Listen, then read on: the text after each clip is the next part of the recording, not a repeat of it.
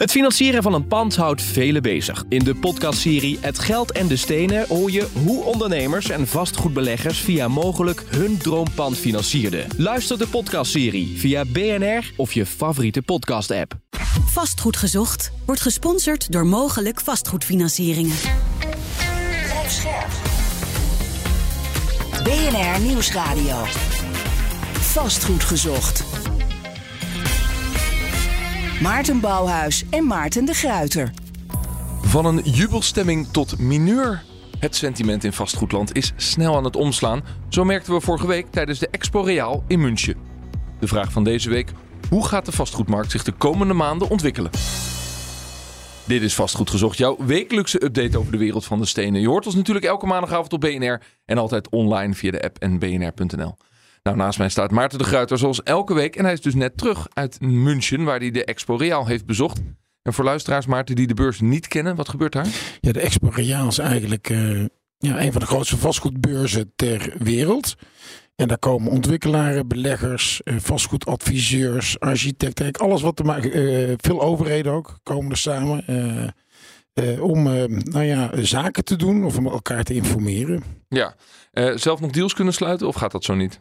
Nou, zo gaat het ook overigens wel. Ja, je kunt er inderdaad wel deals sluiten. Maar het, het gaat toch meer over netwerken en, en elkaar updaten. En, en ook nieuwe partijen leren kennen. Ja, we zijn vorig jaar in Cannes geweest. Um, bij jou, bij het bedrijf, maar zeker ook op de beurs. Is het vergelijkbaar? Nou, wat je ziet in München wordt echt, uh, daar is iedereen echt op de beursvloer aanwezig. En in Cannes zie je eigenlijk alleen maar, uh, ja, daar gebeurt, gebeurt juist veel om de beurs heen. De Expo Real is ook echt wel een veel serieuzere beurs. En de kan is toch ook wel een beetje feestjes zijn het toch ook wel veel. Zien en gezien worden. Ja, veel meer ja. ja. Neem iets afstand van de microfoon, uh, Mart. Ja. Ja, we hebben jou een BNR-microfoon meegegeven om daar met je collega's uh, te spreken. Wat, wat viel u op in de gesprekken? Nou ja, het is toch wel heel negatief gestemd op dit moment. En uh, dat, uh, dat was ook geen uh, nieuws voor mij. Was ook niet erg verwonderlijk. Maar ja, mensen zijn niet positief. Hè. Er, zijn natuurlijk. we zijn al een tijdje, als je gaat kijken naar de vastgoedmarkt. Um, in een periode dat voor ons als ontwikkelaar heel moeilijk is om projecten te realiseren. door de enorme gestegen kosten. Ja, wat je eigenlijk ziet, wat er nu bij komt, is door de inflatie, maar met name de grote rentestijgingen, ja, dat het eigenlijk ook vanuit de beleggingskant heel moeilijk wordt. Dus wij konden al heel moeilijk dingen realiseren. Nou, nu zijn, mensen, zijn de beleggers ook niet bereid meer om het te betalen. Ja, dan komt er eigenlijk niks meer van de grond. Dus aan de ene kant zie je dat er niks meer ontwikkeld kan worden. En dat ook de hele handel stilvalt. Ja, en daarmee is dus het het sentiment in de markt negatief. Zeer. Uh, maar wat is dan de markt? Is dat grootzakelijk? Is dat ook woningbouw? Hoe werkt het? Ja, dat is een goede, goede vraag. Nou, eigenlijk alle twee. Dus je ziet aan de ene kant de, de, het commerciële vastgoed. Dat werd al moeilijk ook om het te realiseren. Dat was op een gegeven moment niet meer in verhouding met wat bijvoorbeeld huurders willen betalen. Uh, maar ook bijvoorbeeld bij woningontwikkelingen. Dus als wij een woningontwikkeling willen bouwen. Ja, dan zie je dat. Dan hebben wij ook een belegger nodig als het om huurwoningen gaat. Al denkt de overheid er soms anders over. En um, je ziet dat door die enorme rentestijging, kun je je voorstellen dat op het moment dat je woningen koopt tegen een rendement van onder de 4%, maar de rente gaat naar 6%, ja, dan is het niet meer interessant om die woningen te kopen. Dus, dus daar komt een totale stilval. En omdat het natuurlijk een heel. De uh, ontwikkelen is een heel traag proces. Dus wij zijn natuurlijk. De, onze ontwikkelingen die nu op de markt komen. die zijn natuurlijk nog op basis van een begroting van zeg maar twee, drie jaar geleden. Dus dat kun je ook niet zomaar aanpassen. Dus in dat vastgoed duurt het altijd even voordat je ja, weer een, een soort van. Uh, hoe moet je het zeggen? Uh, dat het weer die markt in balans is. Dat gaat gewoon even duren. En dat is eigenlijk op alle uh, terreinen. En dan hoor je bijvoorbeeld in München je wel dat bijvoorbeeld op logistiek dat het nog meevalt, dat daar, daar nog het meeste voor wordt betaald. Maar woningbouw of kantoor, ja, wordt dat echt wel een probleem. En dus uh, bijna de markt in de breedte, logistiek valt dan een beetje mee. Uh, valt de markt stil en is er dus een heel negatief sentiment? Ja. Het is wat anders dan tien jaar geleden. Toen had je het ook wel. Toen was het, vond ik het nog depressiever in de vorige crisis. Ja, en nu heb je toch, men denkt, uh, ik vermoed dat het onder andere komt omdat men denkt dat, dat er niet heel veel ja, gedwongen verkopen zullen komen. Omdat natuurlijk die uh, financiering wat anders in elkaar zit. Hè? Dus die leverage, dus de, de, hoogte van de financiering op het totale bedrag wat uitstaat. En dat kun je overal, of het nou een woning is of een groot woningcomplex. Dat, dat is nu veel lager dan toen. Maar als je nu bijvoorbeeld natuurlijk moet gaan herfinancieren. Ja, dat is wel ingewikkeld Ja, nee, met deze rentes. geen- dus met deze Nee. rentes. En dan kom je in je exploitatie natuurlijk niet meer uit. Wat overigens ook nog wel interessant is om toch ook nog even te melden. Je zou natuurlijk zeggen, hè, want ik maakte net al even een opmerking van ja, de overheden vinden dat niet zo erg. Kijk, wat, de- wat, wat nu het sentiment een beetje was, in de, de opiniemakers en de overheid, was, nou dat is niet zo erg, dan wordt het gewoon koopwoningen. Maar wat zie je nou op dit moment? Juist door die enorme hypotheekrentestijging, dat mensen ook van kopen afstappen. Dus gewoon de consument wil eigenlijk op dit moment helemaal niet kopen. Die willen juist weer huren. Dus al die macro-economische ontwikkelingen die helpen elkaar eh, en de markt dus eh, naar beneden. Alle reden om daar dieper in te duiken. Vastgoed gezocht. Er is heel veel eh, negatief sentiment vanwege de stijgende rentes en alle andere aspecten die daarbij horen. Ja, Maarten de Guiter zei het al. Veel vastgoedprofessionals zien het sentiment in de markt dus kantelen. En dit was Pieter Akkerman van een internationaal opererende investeerder Schreuder Capital. Nou, iemand die ook in München was is Erik Langens. Hij is eh, Executive Director Capital Markets bij CBRE. Eh, beste Erik, van harte welkom. Dankjewel. Eh, jullie zijn vastgoedadviseur. Als het minder gaat in de markt, dan merken jullie dat natuurlijk ook heel snel. Eh, hoe kijk jij dan nu naar de markt? Zeker. Het was voor mij ook inderdaad geen verrassing om eh, de geluiden te horen die ik hoorde in München. De twee woorden die ik daar het meest heb gehoord is eigenlijk pauze en waardering. Je hoorde dat iedereen zei, we gaan even in stilstand. We gaan wachten wat er gaat gebeuren. En iedereen zijn dan dus en ontwikkelaars en beleggers. En dan dus uiteindelijk ook de bouwers. Die krijgen dan vanzelf pauze. Ja, die hele keten eigenlijk, die komt daarmee stil te staan. Ja, en wat is dan de pauze in ontwikkeling? Of sorry, je zei pauze en waardering. waardering. Wat is dan de waardering? waardering van vastgoed. Dus ehm, eigenlijk zegt, en dat is het positieve, want ik ben het helemaal eens met Maarten dat het sentiment vrij negatief was. Alleen als je kijkt naar wat partijen nog willen doen, dan is het eigenlijk best wel positief. Iedereen die ik heb gesproken, die zegt, ik wil eigenlijk zodra het allemaal klopt, het klopt op het gebied van ESG, locatie, goed gebouw, nieuwbouw, goede huurders, commercieel en prijs, dan heb ik kapitaal beschikbaar om nog te beleggen in vastgoed. En dat laatste is juist het lastige, want die prijs die gaat op dit moment zo hard naar beneden dat het voor partijen heel erg lastig is om intern en extern te vertegenwoordigen of te, sorry, te verantwoorden dat je iets koopt wat misschien over drie, zes maanden 10, 15 procent minder waard Ja, precies. Want dat heb jij nog niet eens genoemd, eh, Maarten. Er is dus ook een hele sterke waardedaling van de projecten. Tuurlijk, ja. Maar op het moment dat je natuurlijk niet hoeft of wilt te verkopen, ja, dan doe je dat natuurlijk ook niet. Maar als je, de, de- het interessante van die, eh, wat heel belangrijk is in die waardebepaling, is dat de, de institutionele beleggers, die moeten nu vastgoed gaan verkopen, woningen bijvoorbeeld gaan verkopen, omdat het in hun allocatie niet meer past. Doordat de eh, ehm, aandelenbeurzen naar beneden zijn gegaan. Ja, nu wordt het allemaal een beetje technisch. Maar die hebben dus een, een mandje hoe ze beleggen. Ja. Pensioenfonds. Nou, we zijn bij BNR. Dit Ja, mag. precies. Heel graag. Ja, gelukkig, gelukkig. en eh, dat mandje moet kloppen. Hè? Dus- dat, daar zit bij, wijze- bij wijze van spreken 50% Ja. de beurs en 50% in vastgoed. Op het moment dat die beurzen naar 25% gaan, dat het in de daling, dan moeten ze vastgoed gaan verkopen. Want anders klopt een allocatie niet meer. Dat is natuurlijk eigenlijk ja, vrij bizar. Ja. Want dan moet je op het slechtste punt gaan verkopen. Ja, dan dat heb, zou je je dus een, kunnen. heb je dus een beleggingstechnische redenen waarom je gaat verkopen. Precies, op een slecht moment in de markt. Ja. Wanneer je eigenlijk niet wil verkopen. Nou, en dat zou kunnen, op het moment dat je snel die waardering omlaag brengt, dan hoeft dat eigenlijk niet. Want dan is hij weer in balans. Zoals die, kijk, die beurzen die reageren veel sneller. Die reageren instantly. Hè? De beurs reageert, reageert Ja, instantly. maar de, weer, de waardering naar beneden brengen, Erik, dat doe je dan dus door een, door een nieuwe taxatie en een, een nieuwe waardering van het. Dat, hè, dat is ook een service die jullie dan bieden, een nieuwe waardering van het vastgoed. Nou, en dat is eigenlijk meteen het positieve ge- eh, onderdeel van het verhaal. Omdat tien jaar geleden, waar Maarten ook al aan refereerde, toen duurde het misschien wel vier, vijf jaar voordat die waarderingen weer op een niveau waren dat de markt accepteerde. Nu lijkt het, als gevolg van wat Maarten net uitlegde, die ALM-studies, dat als de rest naar beneden gaat, het eigenlijk vast moet worden verkocht als je die waarde gelijk houdt. Lijkt het alsof partijen, beleggers, veel meer bereid zijn om die afwaardering snel te nemen. Ik heb gehoord voorbeelden van beleggers die in discussie zijn aangegaan met een taxateur die te weinig had afgewaardeerd.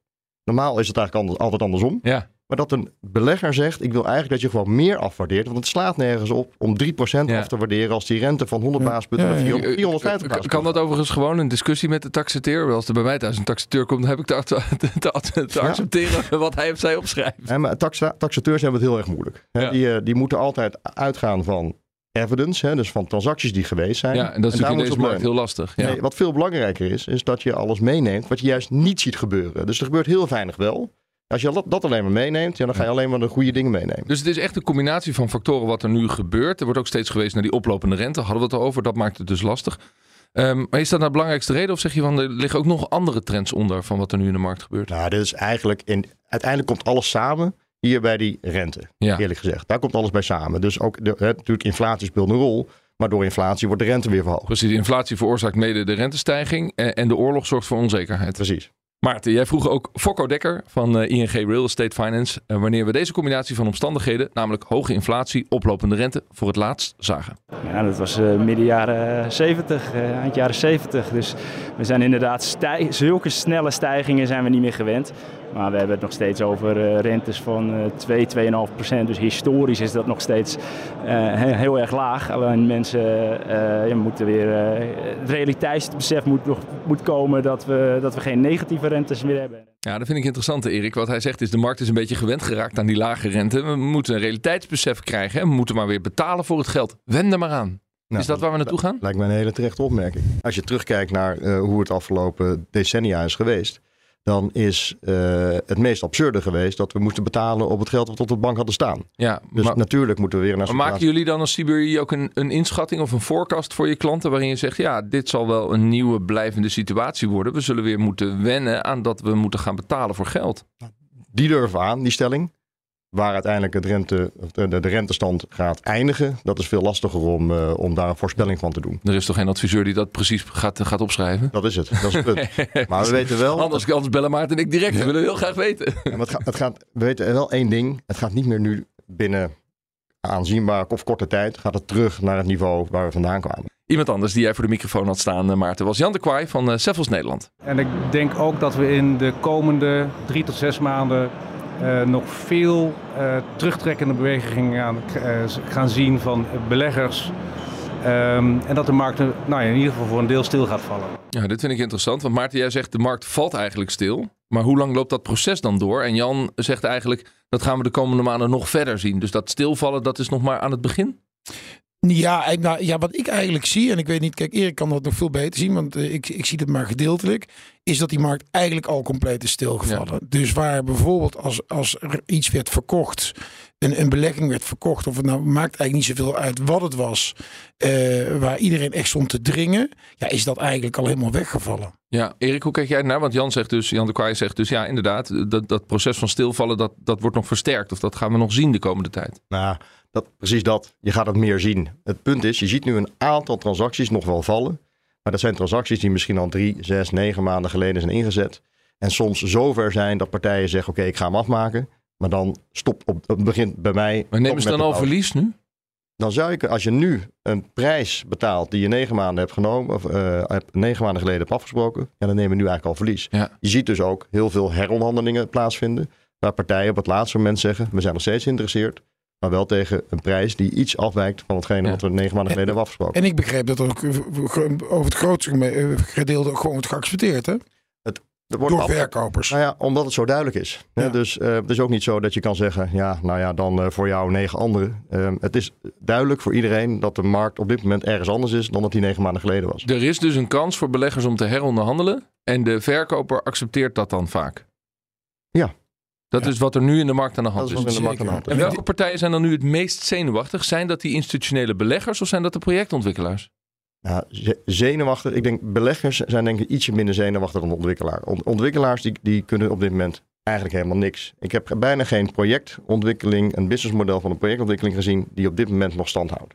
Dus precies wat Maarten zegt. Alle input, alle variabelen hebben we negen maanden of negen maanden tot een jaar geleden, of misschien wel twee jaar geleden hebben we bedacht. Niks daarvan klopt meer. En als je dan nu, nou ja, kijk naar de woningmarkt, alle regelgeving gaat aanpassen, de kosten gaat verhogen, rentestanden die omhoog gaat, dan is er eigenlijk geen ontwikkeling die op dit moment meer van de grond te trekken. Nee, dus de stress bij de ontwikkelaars is dat ze geen werk hebben voor de mensen die ze op de, op de Ja. loonlijst hebben staan. Ja, Ja, absoluut. Tuurlijk, de, het werk valt voor met name ontwikkelaars. Maar daar zit natuurlijk een hele eh, rits aan vast. Hè. Eh, Architecten, eh, maar ook adviseurs. die natuurlijk gewoon allemaal dadelijk, ja, waar het stilvalt. Gaat het stilvallen? Hoe lang gaat dat duren?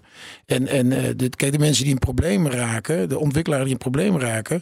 Even los van of je te veel mensen hebt. Want dat, ja, hoe vervelend ook, maar dat zou je kunnen afschalen natuurlijk. Maar je komt pas echt in een probleem. natuurlijk als je posities hebt ingenomen die je bijvoorbeeld nu moet gaan afnemen. Eh, eh, eh, die heb je natuurlijk op hele andere voorwaarden eh, acht maanden geleden eh, ehm, ingekocht. Nu moet je gaan afnemen. Ja, dan kom je al in de problemen. Bank die niet meer financiert. Ja, dat, is, dat, dat zijn wel problematische toestanden. En dat is de vraag hoeveel van dat soort partijen er zijn. Maar die zijn er natuurlijk wel. En hoe zenuwachtig worden dan die institutionele beleggers nu? Nou, ja, dat is wel, dat is wel leuk dat je dat vraagt. Want als je kijkt naar bijvoorbeeld buitenlandse institutionele beleggers... die de afgelopen jaren de Nederlandse vastgoedmarkt hebben betreden op het gebied van woningen... die je echt nodig hebt ook om de woning af te nemen die gebouwd moeten worden... die worden vooral heel erg zenuwachtig. En die zijn gebaat bij duidelijkheid, bij een visie van een overheid, wetende dat als die er ligt, dat die dan de komende jaren ook zo blijft. En wat ik nu vooral zie, is dat die buitenlandse beleggers zeggen, die Nederlandse markt, daar gebeurt zoveel, het is zo onduidelijk. En als we al weten wat er gaat gebeuren, dan weten we niet wanneer. Wij blijven even uit de Nederlandse markt weg. Ja, Dus maar die- een van de grootste institutionele beleggers van Nederland zelf, in de persoon van de heer Van Bommel, die is zelf minder gaan beleggen in Nederland omdat hij de Nederlandse markt zo rommelig vindt. Dus dus als de Ja. buitenlandse beleggers niet komen en de Nederlanders gaan in Denemarken beleggen, dan stroomt het geld dus weg. dat geld stroomt weg. En Maar- Dat Ja. zie je ook in de praktijk gebeuren. Erik. natuurlijk. Ja. Maar het interessante is dus dat, dat er een tijdje is geweest, en dat zal nu wel een beetje eh, wat minder worden, dat natuurlijk juist die overheid of opiniemakers zeggen, dat is helemaal niet zo erg, dan worden het wel koopwoningen. Maar dat is, dat, is natuurlijk, dat is natuurlijk, op het moment dat dit gebeurt met die hypotheekrente, dat is natuurlijk wat, de- wat de particulier ook heeft. Dus die particulier wil helemaal niet meer kopen, want kopen en huren begint inmiddels even duur te zijn. Dus mensen willen juist huren. En die mensen sturen die dat moeten zorgen die woningen er komen, die, die jagen we nu allemaal weg. Je luistert naar Vastgoed Gezocht. Eh, De gast van deze week, Erik Langers van CBRE. We praten met hem over het sentiment in de vastgoedmarkt onder de vastgoedprofessionals. Eh, ja, Erik, even voor de mensen die niet in het vastgoed zitten, die luisteren naar deze uitzending en die vragen zich af: oké, je, je, je merkt aan, aan dit gesprek dat jullie heel diep in die markt zitten, vind ik fantastisch. Maar ik heb een heel andere baan. Ik werk in de zorg en ik heb een koophuis en ik, en ik ben anderhalf verdiener. En, en, en dan? Wat, ga ik hier iets van merken? Ja, ik denk het wel. Kijk, en dan is de woningmarkt denk ik misschien wel de meest duidelijke markt, omdat dat eh, ook de, de, de, de privé eh, sferen treft. Is dat er echt geen woning bij wordt gebouwd, waardoor de schaarste daar nog harder gaat oplopen. En precies datgene wat eh, Hugo de Jong wil bereiken, het tegenovergestelde is op dit moment gaande. Het wordt onbetaalbaar straks om een woning te bouwen. En daardoor ook onbetaalbaar om straks nog een woning te kunnen huren. Ja, dus die ambitie van 100.000 woningen, wat overigens in de praktijk de afgelopen jaren 70.000 is. Maar de ambitie is steeds 100.000 per jaar. De, die 70.000 wordt al een enorme uitdaging. Je kan niet aan de inkomsten gaan draaien naar beneden, terwijl de kosten heel erg hard omhoog lopen. En dat is, en die vraag is een aantal, in een aantal talkshows is die al gesteld aan Hugo de Jonge of aan de staatssecretaris. En ik vind het bijzonder om te zien dat die vraag constant eh, wordt ontweken. En dat je nooit een antwoord krijgt op de vraag hoe ze denken dat dat past. Eh Maarten, jij sprak op de beurs ook met Bas van Veghel. Hij is van eh, Timeless Investments en ontwikkelaar COD. En hij zegt onder meer het volgende. Je kan niet en de hoogste erfpachtprijzen verlangen en de hoogste duurzaamheidseisen en de meest eh, gereguleerde woningen, zodat het allemaal betaalbaar is. Eh, ja, dan op een gegeven moment kan, kan het voor een ontwikkelaar simpelweg niet meer uit. Eh, ja, Maarten, ehm, alsof je hem de woorden in de mond hebt gelegd. Al die projectontwikkelaars zitten er hetzelfde in. Ja, maar ja, de, we, hebben het, eh, we hebben het al een keer gezegd volgens mij hier. Eh, Renier van Danzig heeft, zegt inmiddels zelf ook hetzelfde op de, ehm, eh, de voorpagina van, de, van het Parool. Dus ja, dat is natuurlijk ook zo. Dat is, maar het is nu natuurlijk, be- begint een perfect storm te worden. Dus je hebt en de hele financiële, het financiële drama van de, eh, ho- hoop, oh, de inflatie en de, de rentestand. En de, aan de kant van de overheid, wat ze allemaal willen. Het interessante is ook, net ook wat Erik net zei, is dat wij eigenlijk in de markt al zien dat je eigenlijk al moet gaan stimuleren. Dus je moet beleggers eigenlijk al gaan stimuleren. Terwijl de, de, markt, zeg maar de overheid blij is. Ja, we zijn eigenlijk een keer van die investeerders af. Terwijl wij zien, ja, we moeten gaan stimuleren. Kom alsjeblieft naar Nederland toe. We moeten zorgen te- dat we. eh, en wat is dat dan, stimuleren, Erik? Hè? Want jij zegt het ook, hè? die woningmarkt die, die krijgt een probleem hiermee. Dat betekent dat je een, eh, een beroep doet op de overheid om te zorgen dat die, eh, dat die beleggers op de een of andere manier wel een veilige markt hebben om te investeren. Hoe moet de overheid dat dan doen? Door duidelijkheid te geven. Dus het woord veilig is precies het woord wat hier... eh, Duidelijkheid op welk vlak? op regelgeving. Dus natuurlijk, de regelgeving die er is, die moet passend zijn. Dat is evident. Eh, dus die moet er komen. Dus het moet op een gegeven moment haalbaar zijn om met de regelgeving die wordt bedacht in Den Haag, dat je daarmee eh, de ontwikkelaar woning kan, woningen kan laten bouwen. Ehm, alleen vervolgens moet ook om investeerders te laten afnemen, moet je ervoor zorgen dat die regelgeving ook duidelijk is en ook de komende tijd niet wordt veranderd. Want als volgend jaar weer de overdrachtsbelasting eh, wordt verhoogd, of als eh, het puntenstelsel weer wordt veranderd, ja, dan heeft een hele eh, ehm, een veilige belegger, die voelt zich dan dus onveilig. Want hij weet eigenlijk niet wat hem te wachten staat in Ja, de jaren nou waren jullie samen in München. Daar eh, ehm, ben je bijvoorbeeld ook een wethouder uit Eindhoven, Stijn Steenbaks, die wel eens in, bij ons in de uitzending is geweest, tegen het lijf gelopen. Ik zag een fotootje op de socials voorbij komen. Ehm, wat, wat zegt hij dan als je daarover begint, als, als wethouder in Eindhoven, waarin hij ook een enorme woningbouwuitdaging Ja, heeft? ja, ik vind wel een beetje, dus wat Erik net al zei eh, over, over Hugo de Jonge in in talkshows. Ze, ze draaien natuurlijk altijd wel een beetje omheen. Ontwijken toch een beetje het, het, het echte antwoord erop. En je merkt toch dat ze. De, er is natuurlijk altijd een, een, een beetje wantrouwen eh, tussen, eh, of van de overheid richting marktpartijen als het gaat over vastgoed. Dat ze toch altijd wel denken, nou weet je, dat, dat, dat zal wel niet zo'n vaart lopen. En eh, eh, onze markt is ook ontzettend traag. Hè? Dus als je nu iets eh, met, nieuw iets komt, ja, dat gaat nog jaren, blijft dat dooretteren. En het is eigenlijk heel, het, het, is natuurlijk best wel simpel. Beleggers zitten gewoon onder de 4% rendement op woningen. Dus alles wat je daar eh, aan verandert, ja, die markt, die, die, het is zo ontzettend dun. Hè, terwijl, ja, dan, dan, dan we roepen dus, ze denken allemaal wel dat, het, dat er heel veel wordt verdiend door die beleggers. Maar het is een enorm dun rendement. Dus alles wat je daar een beetje aan versleutelt, heeft enorme impact. Ja, Erik, want dat is eigenlijk wat Maarten zegt. Ik zeg, die overheid moet veiligheid bieden, dat zeg jij ook. We zitten met die 4%. Eh, maar als we nou een concreet advies zouden willen formuleren aan Hugo de Jonge, wat verwacht jij dan van het kabinet en van de Jonge, wat dan nu het meest verstandig zou zijn om te doen, om die markt weer stabiel te maken? Je moet het mogelijk maken financieel om een woning te kunnen eh, ontwikkelen en te kunnen bouwen. Ja. Dus je moet de regelgeving aanpassen op de rendementseisen die nodig zijn voor, voor beleggers om uiteindelijk in die woningen te stappen. Maar een van de regelgevingen die Maarten steeds als uitdaging aangeeft, is dat je bijvoorbeeld in Amsterdam, maar ook in andere steden, hele strenge regels krijgt voor sociale huur, middenhuur en koop. En dat als die verhouding koop zo klein is, dat het bijna niet te doen is om dat, eh, om dat te bouwen. Is dat dan een van de dingen die zo snel mogelijk zou moeten, moeten wijzigen? Het is de, de, de verhouding eh, niet koop, vrij sector. Hè? Dus, dus eh, sociaal, midden en vrij sector. Ja. En, en wat je eigenlijk ziet is natuurlijk dat de, de, eigenlijk gewoon Amsterdam en daardoor heel Nederland, want Amsterdam loopt altijd voorop en gaat iedereen het naapen, is dat eigenlijk 80% van wat je nieuw moet bouwen is gereguleerd. En dat betekent bijna dat je het boven die bovenste 20% daar moet je je Marge je- maken. Daar moet je de haalbaarheid uithalen. Dat hoeft zo helemaal niet hoeven. Als gewoon de gemeente Amsterdam zou accepteren dat ze heel weinig eh, erfpacht krijgen. Je kunt, zij zitten aan, zij ze hebben de belangrijkste knop zelf in handen. Maar daar willen ze niet aan draaien. hè. Dat is natuurlijk altijd een beetje Nee, maar perverse. betekent dat, betekent dat dat de regering eh, eh, ook druk zou moeten gaan zetten op gemeentes om hier dus mee te stoppen? Nou ja, als een, ik, probeer, ik zoek naar concrete maatregelen wat tuurlijk. Hugo de Jonge dan nu zou moeten afkondigen in deze extreme situatie, namelijk oorlog, extreem oplopende Ja, maar, inflatie. maar het- natuurlijk, maar dat is daar precies. Hij doet het omgekeerde. Dus de overheid doet het omgekeerde. Waar wij allemaal zeggen: het is al veel te gereguleerd. Zeggen ze: nee, het moet nog veel verder gereguleerd worden. En wat natuurlijk interessant is, is dat ehm, in die end. Iedere nieuwe woning die er komt, zorgt voor een verhuisbeweging. Dus het is veel belangrijker om snelheid te maken. dan dat je met een ontwikkelaar drie jaar in onderhandeling zit. en er uiteindelijk een, ja, een, een, een soort van compromis uitkomt. waar niemand echt wat mee kan. ja. Wat zo gek is, is dat de afgelopen decennia altijd is gezegd: de grondwaarde is een residuele grondwaarde. Dus de waarde van grond is uiteindelijk wat er overblijft nadat iedereen zijn kosten heeft gemaakt en het rendement heeft gemaakt. ja, daar hebben we een keer een uitzending over gemaakt. Dat is eigenlijk de sluitpost in je project. De sluitpost in je project. Dat Ja. is altijd zo geweest. Ja. Nu is die sluitpost eigenlijk negatief. Maar wat doen dan gemeentes? Die houden die grondwaarde gelijk. Verhogen hem soms een beetje. Of misschien een heel klein beetje naar beneden. Maar als de grondwaarde negatief is. Wat is er dan over van de theorie? Wat in de praktijk ook altijd heeft gewerkt. Dat die residuele grondwaarde uiteindelijk een sluitpost is. En niet een van de onderdelen van je project. Ja, dus ik heb nu twee concrete maatregelen al gehoord. Namelijk één, eh, let op met die regulering van wat je moet bouwen. Geef daar meer ruimte. Twee, ga terug naar het oude systeem van de residuele grondwaarde. Eigenlijk wel. Oké, moeten we er nog een derde maatregel die we op het bureau van de jongen kunnen leggen aan toevoegen? Wees duidelijk. Ja, en, en een vierde, ga alsjeblieft niet met Jesse Klaver eh, in zee. Want die heeft nu bedacht dat alles sociaal moet worden. Ja, dat is niet te ontwikkelen, toch? Nee, ja, ik weet niet hoe die dat wil gaan doen. Ik bedoel, maar dan, ja, of je moet dus dat dus allemaal vanuit de staat gaan doen. Ja.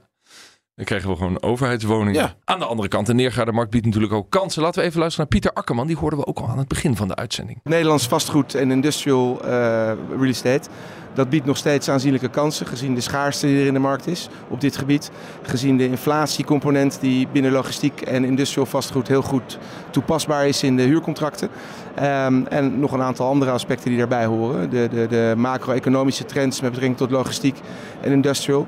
En de prijscorrectie die er nu gaande is, die biedt ook daar hele aantrekkelijke kansen in de markt. Ja, Erik, dat is natuurlijk ook waar. Als je gewoon kijkt naar de markt gaat naar beneden. Eh, en hij richt zich dan ook een beetje op industrial en logistiek. eh, ja, dat biedt kansen.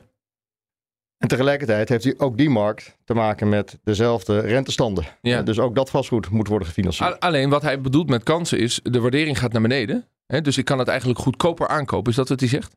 Ik weet niet of hij dat zegt. Zegt hij dat? hij, zegt twee keer, hij zegt twee keer hetzelfde. Namelijk tegelijkertijd biedt het kansen als je bijvoorbeeld kijkt naar logistiek vastgoed. Eh, en eh, ja, het kan alleen maar kansen bieden als, als het klopt wat jij zegt. De, de waardering gaat naar beneden, er wordt heronderhandeld. Dus ik kan het goedkoper aankopen. Eh, alleen dan blijft het natuurlijk het probleem dat je als je met deze rente het geld moet gaan lenen, dat je een lastige business case hebt.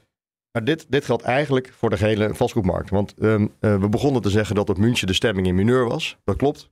Alleen tegelijkertijd lopen er ook heel veel beleggers rond die het juist weer interessant gaan vinden om juist in deze markt zich eh, voor te gaan bereiden om heel actief in de markt te gaan opereren, omdat juist die waarde naar beneden gaat en dat dus rendementen voor dat soort beleggers weer veel aantrekkelijker worden om in vastgoed te gaan beleggen. Dat geldt voor iedere sector. Logistiek is daar een voorbeeld van, maar eigenlijk geldt voor alle sectoren waar de waarde nu van naar beneden moet, dat het voor andere partijen weer interessant wordt. Dit is natuurlijk de kern van een, van een markt, van een, eh, laten we zeggen, een kapitalistische markt, waarin je eh, eh, altijd hyena's hebt, altijd kansenpakkers hebt op het moment dat het met anderen slechter gaat en dat het naar beneden gaat. Zo is het. Maar, maar de vraag is, hoe bereiden die beleggers die jullie dan ook ontmoeten in München zich hierop voor? Wat, wat, wat doen die dan? Die hebben een zakje geld en die wachten en die wachten en die wachten en op een gegeven moment slaan ze toe, Maart. Ja, dat is natuurlijk het interessante. Dat, dat, dat, heb ik ook veel discussies over gehad. Want kijk, niemand luidt die bel op het moment dat, we natuurlijk in het, helemaal in het dieptepunt van de markt zitten. Maar wat je nu heel duidelijk ziet, ik heb dat de afgelopen eh, drie maanden al een aantal keer meegemaakt. ehm, dat eh, partijen zeggen van ja, het is een hele mooie deal, maar ja, ik wacht nog even. Dus ik, ik hou mijn geld nog even eh, op de bank. Ik hou mijn cash nog even op de bank, liquide. En, ehm, en dadelijk kan ik echt toeslaan. En dan zeg je tegen hem, je kunt het liquide houden, maar het wordt wel elk jaar 17% minder waard. Maar dat is zo. Dus, dus, we hebben, dus ik, ik sprak ook iemand die zei: ja, ik kan ook wel niks doen, maar iedere maand wordt mijn geld een procent minder waard. Ja. Dus dat is ook waar. Maar eh, ik denk dat mensen nu, dat iedereen toch wel even afwacht. En dat hoeft niet te zijn dat het twee jaar wordt. Maar ik denk, eh, en ik, ja, in, in alle eerlijkheid, ben het er wel een beetje mee eens. Ja, ik stap nu ook niet zomaar ergens in. En dan ga ik, ik wacht toch wel even de komende zes maanden af. Tot slot dan, het, het koffiedik kijken is dus, je weet pas wat het dieptepunt in de markt was, als het geweest Ja, is. precies. Dat is de kern. Ja. En de vorige woningmarkt dacht ik te kopen in 2010. Toen hadden we de piek van 2008 gehad. En ik dacht een deal, goede deal ge- gehad te hebben. Ik had in 13 moeten kopen. Maar ja, koe in zijn kont kijken. Achteraf is makkelijk wonen. Ja, maar dus, nou vind maar ik. Nu is de vraag voor dit programma, de zakelijke vastgoedmarkt. Wat is nou tot slot jullie, jullie gedachtegang over wat er het komende half jaar gaat gebeuren? En waar staan we dan, Maarten, als wij Erik weer uitnodigen vlak voor de zomer voor een, eh, voor een volgende uitzending over dit onderwerp? Nou, ik denk dat we, kijk, de, zeg maar, als je, nou, eh, als je nu een, eh, een lening afsluit, dan zit je op 6% al ongeveer. Als je ook nog aflossing moet betalen, ga je naar de 10%. Eh, als je 60, 65% wil financieren, ja, 10% op iets waar eh, 7% rendement uitkomt, dat gaat niet. Ja, nu gaat Dus het die- dus gewoon niet. Nee, nu gaat het gewoon niet. En dat betekent ook dat mensen die hem niet hoeven te verkopen, ja, die verkopen dus ook niet. Nee. Die wachten het gewoon af. Maar er gaat natuurlijk, er gaat natuurlijk wel een balans komen. Dat weet ik zeker. En al zeker En die omdat- balans komt er alleen maar als de waarde steeds verder Ja. naar beneden gaat. Ja, ja. Erik, Wat- wat, waar, waar eh, denk jij dat we staan in juni? Nou, ik, ik sluit me daarbij aan. En het leuke is, en dat is eigenlijk meteen een beetje het bewijs dat het ook zo is. eh een van de markten die het ook in de afgelopen jaren gewoon ontzettend zwaar heeft gehad, is de winkelmarkt. Ja. En die zijn qua rendement, maar ook qua huurwaarde. Dus wat winkeliers betalen voor een winkel, is dat de afgelopen jaren eh, een stuk minder geworden. Je ziet ook dat als je nu kijkt naar waar partijen veel interesse in hebben, dan is het in die winkelmarkt. Want de huurprijzen zijn al redelijk aan, eh, uitgebodemd. En de rendementen zijn op een niveau die het nog haalbaar maken, ook met de huidige financiering, om daarin te stappen. Dus dat is eigenlijk maar het bewijs dat op het moment dat die waardering gewoon weer op een niveau is wat ehm, eh, haalbaar is, dat partijen wel weer bereid zijn om te gaan Maar is dan deze pittige markt eh, waar jullie nu in zitten als vastgoedprofessionals eh, een kleine blessing in disguise voor de retailmarkt die al een paar jaar voorop liep en die nu als e- eerste de vruchten kan plukken? Als ik mijn collega's van de retail zeg maar, actief op kantoor rond zie lopen, dan zijn dat degenen met de grootste lach op hun gezicht. Dat klopt. Ah, de rest is in, eh, in diepe mineur, een soort Boekenstein en de Wijk gevoel eh, over het hele kantoor. Maar de retail jongens die kunnen nog lachen. Eh, Erik Langens, Executive Director Capital Markets bij CBRE. Dankjewel uh, voor je komst uh, naar onze uitzending. Ja, Maarten, um, ja, het was goed om dit even te doen. Om, je, om echt uh, jouw markt uh, van de vastgoedwereld in te duiken. Dank uh, voor jouw fantastische verslaggeving vanuit München. Ja, leuk hoor. Uh, ja, Ik Eh, vaker doen. Ja, je, je had de microfoon meegenomen. Ik heb Ja. er mooie foto's gezien. Ja, dat was hartstikke leuk. Eh, je kunt altijd nog bij ons komen werken als alles Ja, stilvalt. zeker. Ja, precies. Eh, dankjewel. Volgende week spreken we elkaar natuurlijk weer. En zoals gezegd, dan gaat de aflevering over voetbalstadions. Ook boeiend. Ja, zeker interessant. Heb ik zin in. Goed, spreken we elkaar volgende week. Bedankt voor het luisteren. Dag. Vastgoed gezocht wordt gesponsord door mogelijk vastgoedfinancieringen.